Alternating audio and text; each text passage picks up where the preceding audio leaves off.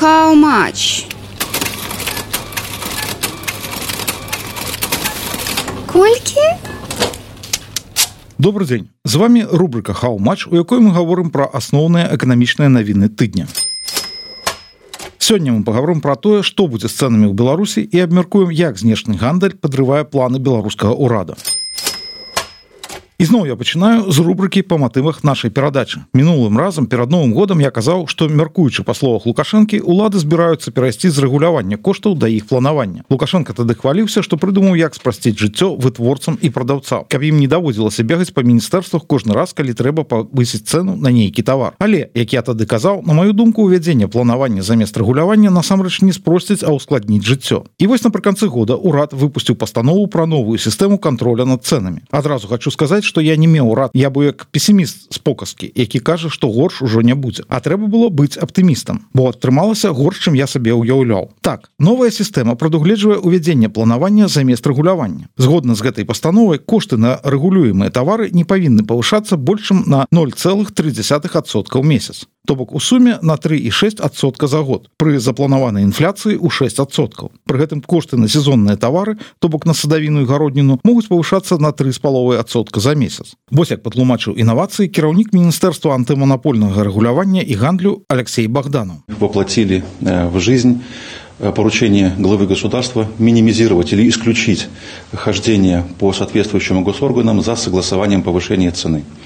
Поэтому в постановлении вводится предельный шаг роста цены. Але ж кошты маюць такую натуру, што на іх уплываюць не толькі планы беларускага ўраду, а ёсць яшчэ такая рэч, як кан'юнктура мировых рынкаў. І яна ад планаў беларускага ўраду залежыць вельмі мала. Не ведаю, ці гэта зразумела беларускаму ўраду, але нам з вами зразумела, што ўсяго прадугледзець немагчыма. Можа здарыцца не ўраджай кавы. Альбо засуху абхазіі загубіць ураджай мандарынаў. Не кажучы ўжо пра цэны, напрыклад, на нафту, якія маюць уласцівасць мяняцца зусім хаатычна то бок з рэгуляваннем коштаў было ўсё ж таки прасцей чым з планаваннем бо была магчымасць хоць са спазненнем дамовіцца пра іх павышэнне калі ў гэтым сапраўды была патрэба а цяпер такой магчымасці не будзе. Але ж акрамя тавараў пералічаных ва ўрадавай пастанове ёсць тавары і паслугі якія ў яе не ўвайшлі. І вось увядзеннем такога максімуму павышэння коштаў азначае дзве простыя рэчы. Па-першае прадаўцы і вытворцы будуць кожны месяц павышаць свае кошты на максімальна дазволеным узроўні просто на ўсялякі выпадак. Бо нельга ж прадказаць што будзе ў наступным месяцы. А по-другое тыя ж самыя прадаўцы і вытворцы будуць старацца кампенсаваць свае фактычныя або нават і патэнцыйныя страты на таварах кошты на якія рэгулююцца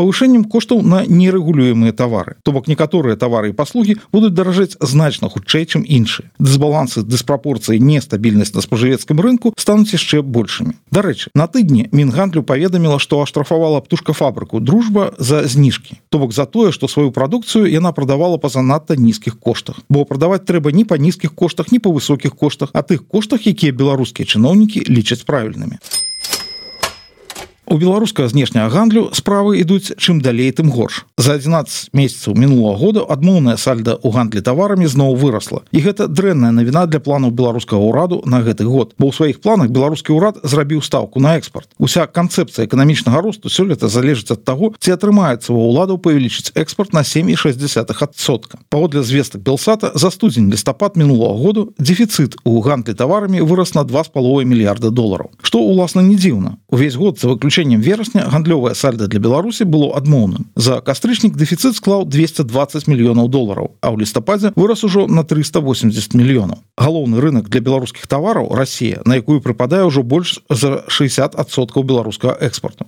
і на гэтым галоўным рынку сітуацыя якраз самая трывожная. Увесь год з краінамі СНД гэта значыць з Росіі наша краіна гандлявала на сваю карысць. Але ўжо ў кастрычніку станоўчая гандлёвая сальда было меншае за 50 мільёнаў долараў. У лістападзе прафіцыт змяніўся дэфіцытам і склаў 33 мільёны. Беларускія тавары на расійскім рынку ўсё больш адціскаюць канкурэнты. Дарэчы гэта прызнаў і пасол беларусі ў рассіі Дмітрый круты. Давление серьезное вы видите темпы роста товарооборота россии с китаем индией и другими странами азии.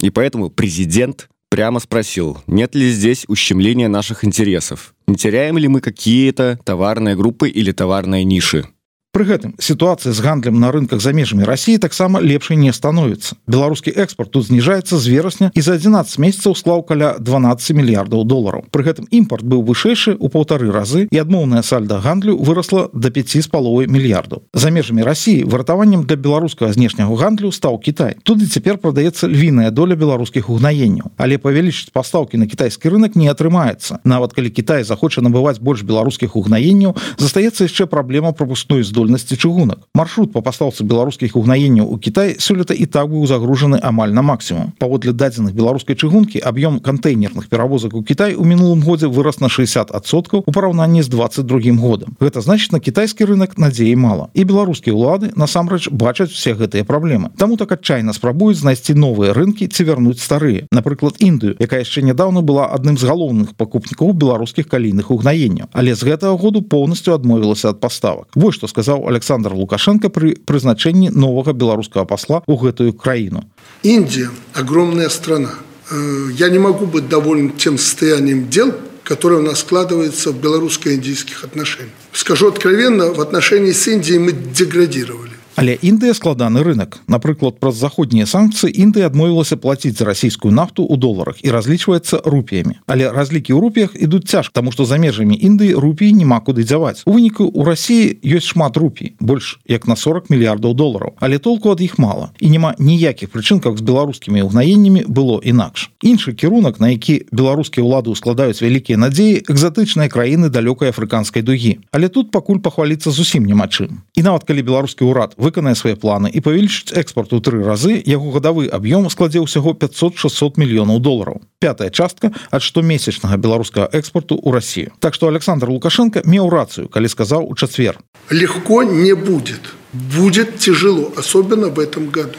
Не потому, что нынешний президент хочет быть и дальше президентом, не потому, что кто-то чего-то хочет. Мы просто людям должны еще раз доказать, что мы честно, искренне работали эти годы, Бо гэты год для беларускай эканомікі сапраўды будзе складаным. У мінулым годзе беларускім уладам пашанцавала, але нельга спадзявацца, што шчаслівы шанец будзе выпадаць заўсёды. Пакуль сітуацыя на знешніх рынках складаецца такім чынам, што імавернасць негатыўнага сцэнара ў шмат разоў вышэйшая, чым пазітыўнага.